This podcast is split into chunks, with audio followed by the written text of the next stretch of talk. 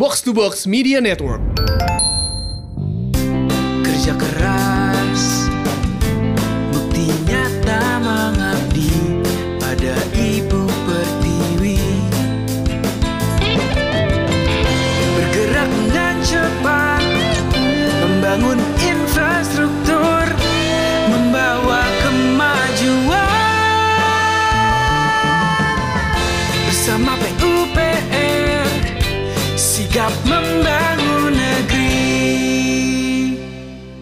Halo apa kabar sahabat PUPR, Assalamualaikum warahmatullahi wabarakatuh, salam sejahtera. Dan semoga kabarnya sahabat PUPR sehat-sehat saja di mana pun sahabat PUPR berada. Saya Imam Wibowo menyambut di podcast Rumah Milenial, persembahan dari PPDPP, Pusat Pengelolaan Dana Pembiayaan Perumahan Kemen PUPR.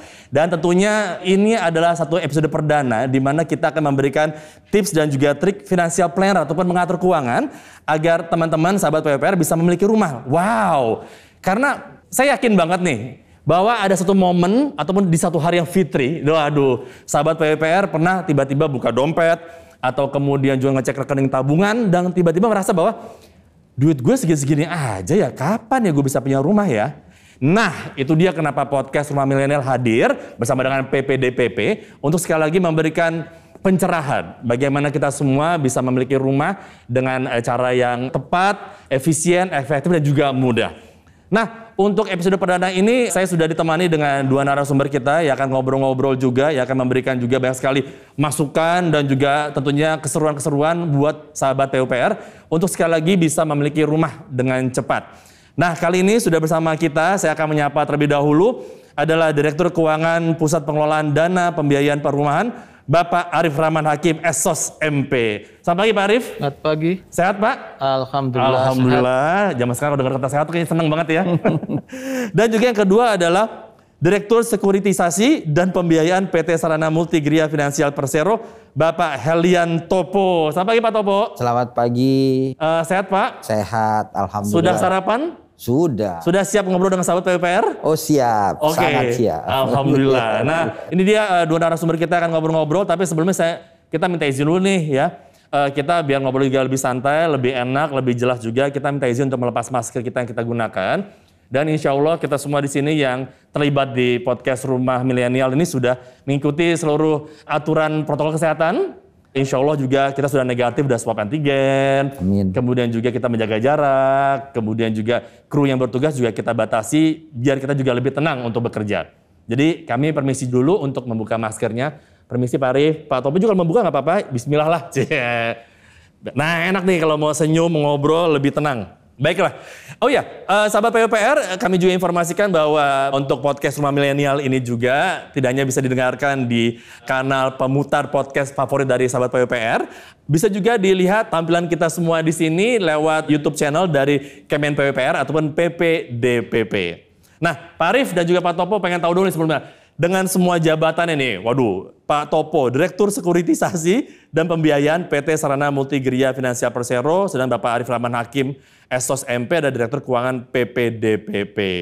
Lagi pada sibuk ngapain nih Pak? Ada hal tertentu nggak yang sekarang sekarang ini lagi dikerjain banget? Mungkin dari Pak Arif?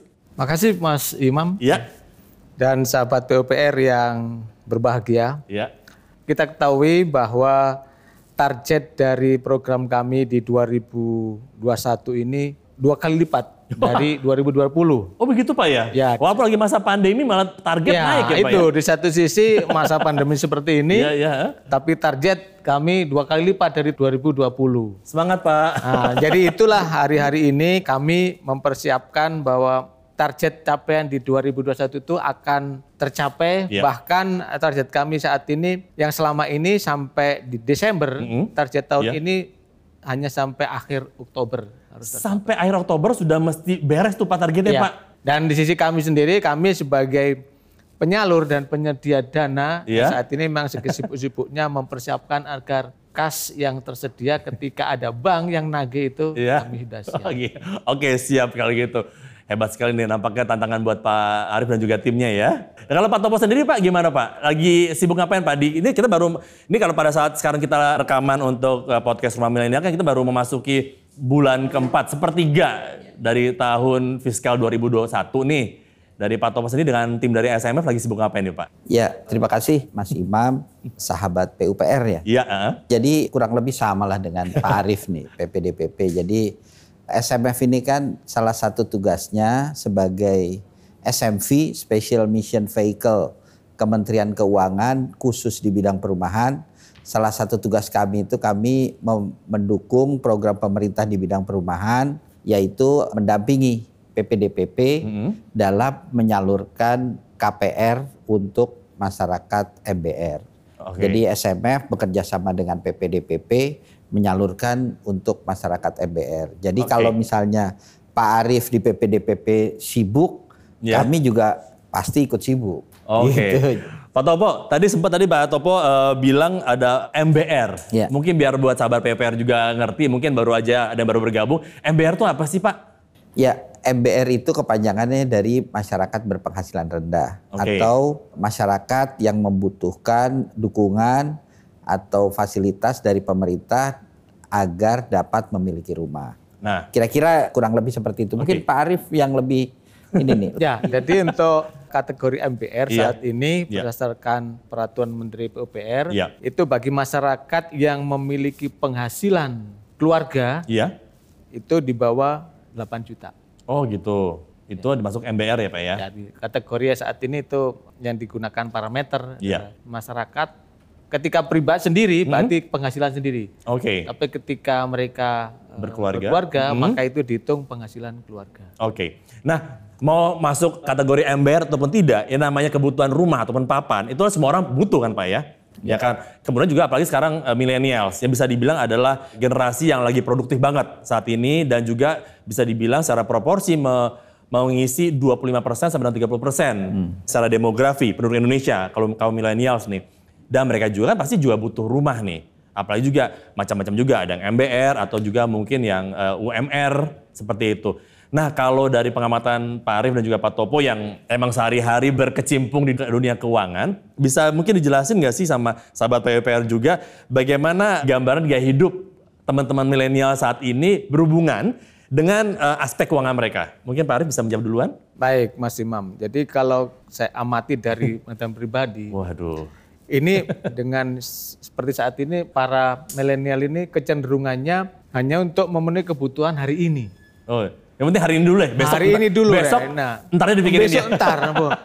tiba masa tiba akal. Oh gitu. Nah padahal itu uh -huh. dalam konsep hidup yang ideal harusnya tidak hmm. seperti itu. Oke. Okay. Gitu ya. Jadi apalagi kalau cerita tentang kesejahteraan keluarga. Iya. Yeah. Jadi rumah itu adalah salah satu kebutuhan esensial yang yeah. utama yang yeah. sangat menentukan kesejahteraan dan kebahagiaan keluarga itu juga sangat tergantung dari rumah. Iya, kalau punya keluarga nggak punya atap mah susah iya, Pak ya, iya. nggak happy hidupnya. Kayaknya Pak Thomas sendiri gimana Pak? Ya, milenial ini memang apa ya, mereka itu dibesarkan pada saat era teknologi gitu ya. Oh iya. Milenial, kemudian uh, generasi Z setelah milenial itu.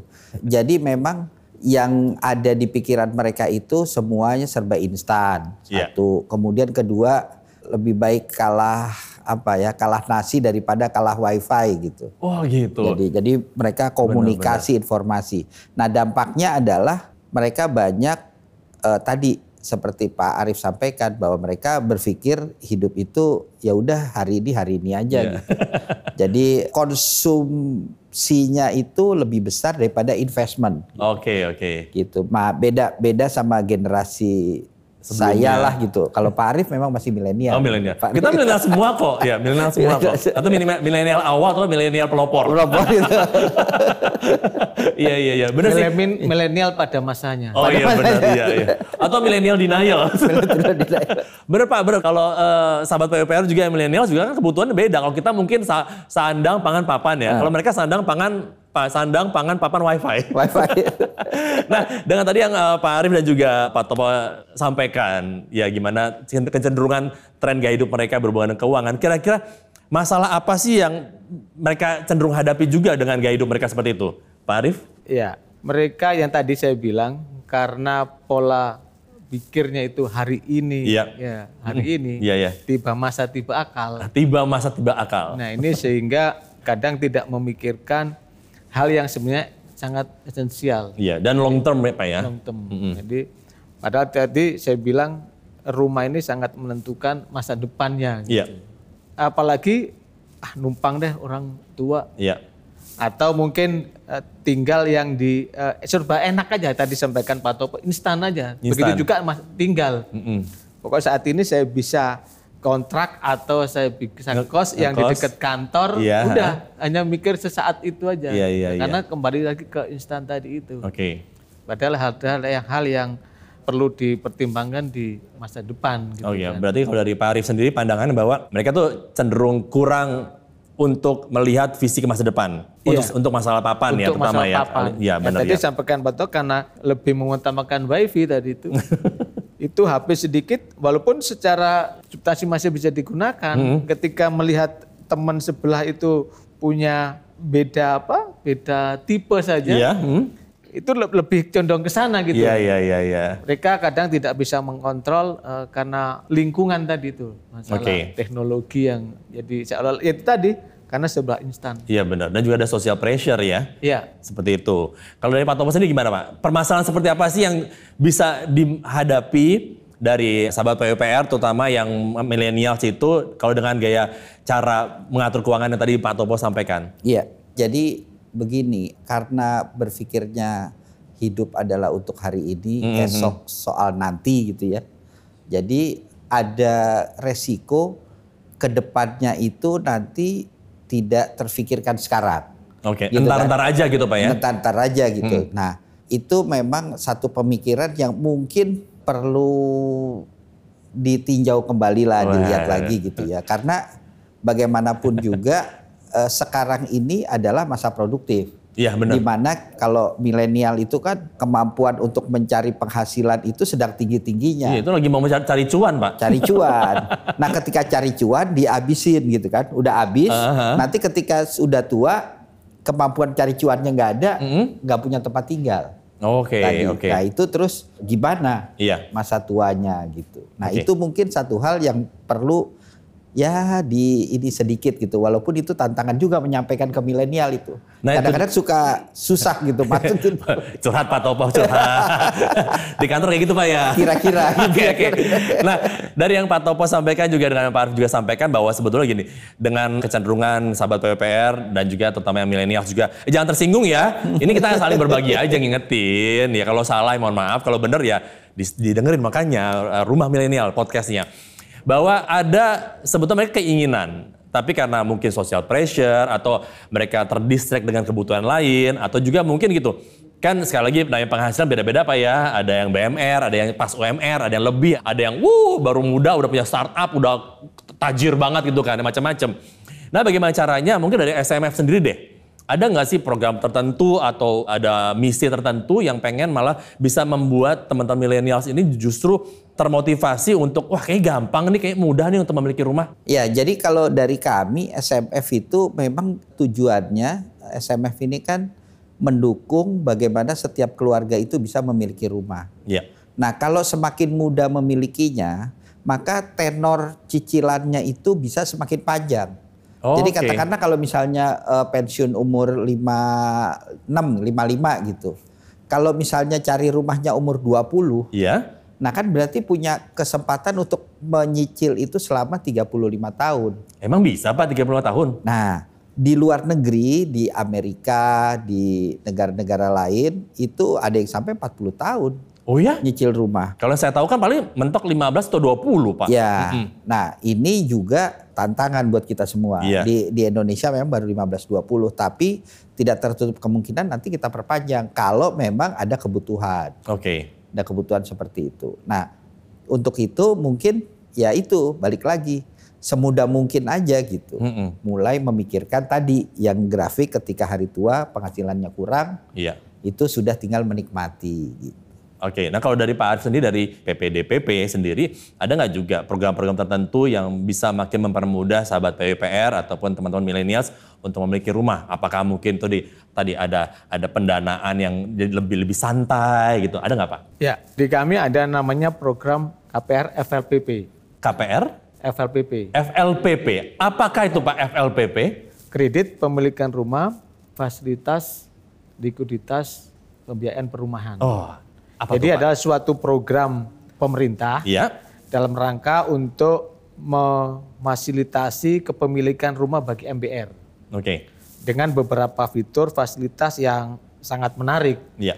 Walaupun tadi disampaikan Pak Topo, kalau dari sisi tenor tidak sepanjang yang di Pak Topo tadi. Oh gitu. Tenor di kami hanya sampai 20 tahun. Oh sampai 20 tahun ya? Sampai 20 tahun, namun bunganya, mm -hmm. rate-nya itu cukup menarik, hanya 5 persen. Oh cuma 5 persen Pak ya? 5 persen itu sepanjang tenor. Flat? Flat. 20 tahun? 20 tahun. Apa pun keadaan gonjang-ganjing ekonomi Apa pun 5 tahun? Apa pun keadaannya. Waduh dijamin banget nih. Ya jadi dari awal sudah tetap itu nggak ada dari nah. tahun pertama sampai tahun hmm? terakhir itu tetap rata. Mau ada inflasi kayak, ya amit-amit jangan lagi ya gitu ya. Apa pun tetap 5, 5, 5 persen ya? Ya, masih ada lagi fasilitasnya. Kita ada subsidi uang muka subsidi uang muka. Itu kayak gimana Jadi bagi maksudnya? penerima FLP, PMBM mm -hmm. itu masih mendapatkan fasilitas uang muka sebesar 4 juta. Jadi uang muka 4 jutanya ditalangin oleh PPDPP? Iya. Wow. Jadi eh, yang Baik dipersyaratkan, ya? iya, uang muka yang dipersyaratkan dari MBR uh -huh. itu hanya satu persen. Dari kalau yang masuk MBR, uang muka yang satu persen. Jadi untuk menikmati yang tadi fasilitas FLPP, hmm. pertama masa tenor sampai 20 tahun. Oke. Okay. Rate-nya 5% flat. Flat. Mendapatkan fasilitas subsidi uang muka 4 juta okay. yang otomatis akan menurunkan pokok KPR-nya. Iya, iya benar ya. Kemudian MBR hanya dibutuhkan satu persen uang mukanya. Oh, uang muka cuma satu persen? Cuma satu persen. Dan satu persen itu pun 4 jutanya ditalangin sama PPDPP? Tidak, di luar. Oh, di luar itu ya? Jadi total uang muka itu satu persen plus 4 juta. Oh, oh gitu. Sehingga okay. itu akan mengurangi. Iya iya iya. Sisa pokok, sisa utangnya. Sisa utangnya. Iya iya iya benar-benar. Oke gitu. Tuh dipermudah banget tuh sahabat PPR ya. Dan ini huh? harusnya uh, momen ini harus dimanfaatkan sebaik-baiknya. Oke. Okay. Dua tiga tahun depan belum tentu sama. Iya iya iya benar-benar. Ketika fiskal pemerintah tidak memungkinkan melihat itu bisa jadi rate-nya di turunin. Dinaikkan. Oh dinaikkan ya. Oh, rate-nya tadi lima persennya tadi iya, ya. Atau tenornya diperendah. Nah itu dia tuh. Karena kita tahu bahwa backlog perumahan pemilikan rumah sangat masih sangat banyak. Iya iya iya. Sementara kemampuan fiskal ya saat ini hanya 157 ribu. Padahal kebutuhannya masih sampai 7 8 jutaan. Oh gitu. Oke oke. Tuh makanya dengan tenor dipendeki kan asumsinya untuk pergulirannya. Jadi mumpung saat ini nih masih 20 tahun, ya. rate-nya masih 5 persen, jangan ketinggalan. Iya dinikmati ya. Ini nah, istilahnya jangan sahabat. Disia-siakan. Iya, di, istilahnya ini sahabat PUPR ya. Dapatnya sekarang, Senin harga naik. Karena gitu. jangan, sampai, jangan sampai terjadi kalau kita lihat dalam beberapa kali diskusi, mm -hmm.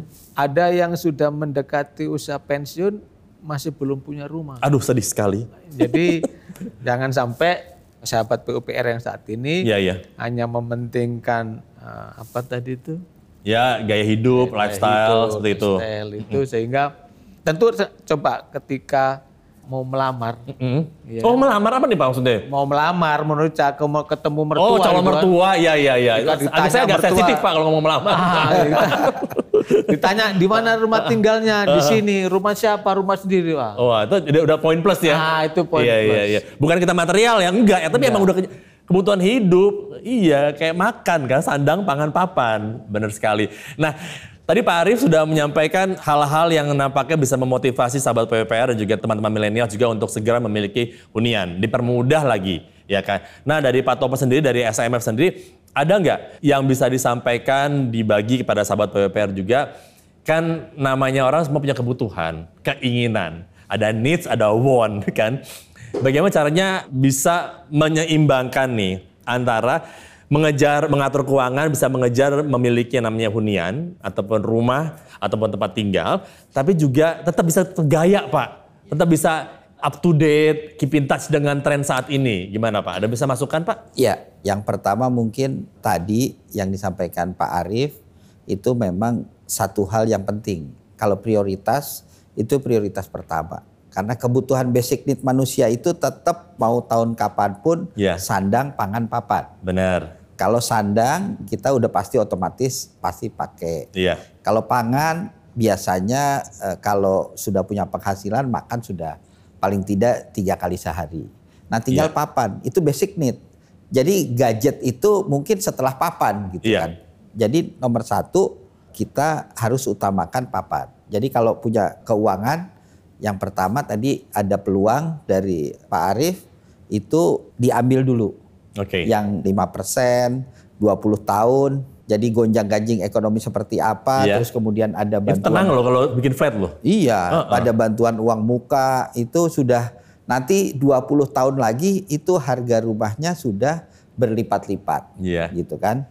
Nah, itu satu. Yeah. Nah, kemudian yang kedua itu biasanya kan kalau tadi disampaikan Pak Arief maksimum penghasilan 8 juta, itu biasanya diambilnya sepertiga gaji. Jadi okay. kalau saya tuh kalau saya mengajarkan beberapa kali diskusi sama milenial nih walaupun hmm. uh, sering gagalnya gitu ya. Tapi apa Pak? Tetap semangat Pak. Semangat. Iya, semangat. Gagal itu adalah sukses tertunda. Sukses tertunda. Iya benar Pak. Jadi saya selalu bilang penghasilan itu dibagi tiga. Iya. Bagi tiga ya sepertiga buat masa depan yeah. beli rumah, sepertiga buat masa kini yeah. gitu ya, biaya hidup. Nah, sepertiganya buat masa lalu, bayar hutang gitu. Oh, jadi kalau memang saya pikir kasih buat kasih mantan, Pak. Bukan ya, Pak. jadi jadi paling tidak itu buat milenial. Kalau kita dulu kan Pokoknya semuanya kalau bisa yang sekarang makannya cuma sepertiga, uh? dua per tiga buat masa depan, invest oh, gitu. segala macam. Okay. Tapi kalau sekarang ya udahlah. Ya udah ya. Bagi tiga aja deh. Bagi gitu. tiga ya. Buat senang-senangnya, buat biaya hidup, buat uh? senang-senang, buat investasi. Oke okay, oke. Okay. Nah itu kalau itu bisa dilakukan mungkin tadi bagus sekali itu. Benar-benar. Kalau masalah keuangan ada yang bisa dicek nggak? Selain juga tadi membagi masa kini, masa depan sama masa lalu. Uh dari tabungan sendiri berarti memang begitu Pak dibagi tiga ya dari iya. penghasilan juga. Iya betul. Tapi hmm. kalau kita hmm. kalau generasi kita dulu kan dipakai sepertiga sepertiga ditabung, sepertiga bayar utang. Bayar utang itu yang investasi. Oh, seperti itu ya. Uh, kalau kita dulu. Nah, hmm. kalau anak sekarang nggak mau, maunya udah sepertiga itu sisanya dipakai gitu semua gitu. Tapi itu pun masih susah. Tadi kan Pak iya, iya. Arif juga sampaikan mikirnya semuanya 100% buat hari ini. Nah, itu yang bahaya. Oh, ya itu dia ya. Itu yang mesti mulai di switch. Iya, dengarkan. Walaupun sering gagal tadi ya. Oh, nggak apa-apa, nggak apa-apa sekali lagi. Kalau nggak gagal nggak belajar, gak belajar. Itu dia. Dengarkan apa kata Pak Topo ya, sahabat PPR ya. Nah kalau dari Pak Arief sendiri dari PPDPP ada nggak sih masukan atau solusi yang bisa diberikan di luar masalah tadi pengaturan keuangan ya yang bisa diberikan pada sahabat PPR untuk bisa mempermudah juga nih mencari? Ya mas sekarang kan kadang-kadang kan semua tuh solusi ada di tangan ya alias di smartphone kita masing-masing nih. Ya kan tadi Pak Topo juga bilang kan semua serba instan pengen gampang. Ngapain cari yang susah kalau ada yang gampang gitu? Gimana caranya mempermudah buat sahabat PPR dan juga teman-teman milenials untuk mencari tahu, mendapatkan pilihan tempat tinggal penghunian yang bisa menjadi opsi ini Pak. Oke, nyambung dulu sebelum ke sana, yeah. nyambung ke sampaikan Pak Taupo tadi. Yeah. untuk rumah ini memang harus dipaksa. Dipaksa Pak ya? Perasaan harus dipaksa. Karena gaya hidup itu sangat berpengaruh dari isi dompet. Oh iya kadang-kadang melebihi kadang-kadang melebihi iya itu harus masih dompet yeah. jadi kata gambarannya saya nggak ambil 8 juta lah ya mm -hmm. penghasilan yang 6 juta yeah.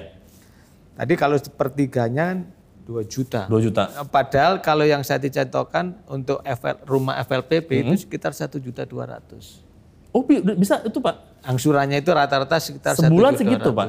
Cuman segitu. Oke. Okay. Dengan rumah tipe 36 mm -hmm. standarnya. Oke. Okay. Itu rumahnya dan rumah layak huni. Layak huni ya. Bukan rumah-rumahan. Oh. Walaupun hanya ngasur yang satu juta dua ratus.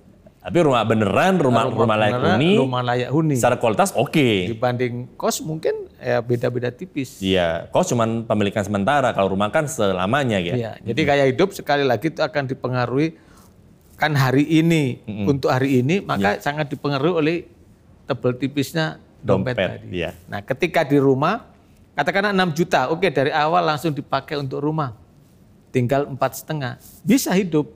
Tapi ketika dompet tadi 6 juta habis juga gitu. Iya, iya, iya benar. Ya, habis juga. Tapi ketika itu cuma 4 juta di dompet, ya cukup yeah. juga. Yeah. Nah itu barangkali memang rumah ini harus ada niat yang kuat dulu. Benar-benar. Jangan tarsok-tarsok lah ya. Ya, itu harus uh, pola pikir milenial harus diubah uh, gitu. Benar, ya. benar. Bahwa masa depan itu sangat penting khususnya papan. Iya, iya. Nah, sejalan dengan saat ini uh, teman-teman milenial tidak bisa lepas dari Ya, kayak kayak kayak ada ada super glue tau gak di tangannya tuh nempel banget smartphone ya. Ah, iya. Nempel smartphone itu kayaknya walaupun kadang nggak dibuka, uh -huh. kalau ketinggalan. Waduh, Pak.